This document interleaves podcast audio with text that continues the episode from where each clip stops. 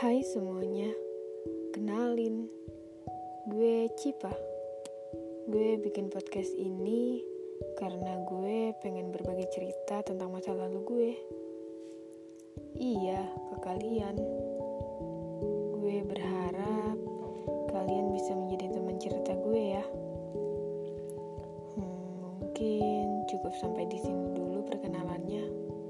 Sampai ketemu di episode selanjutnya.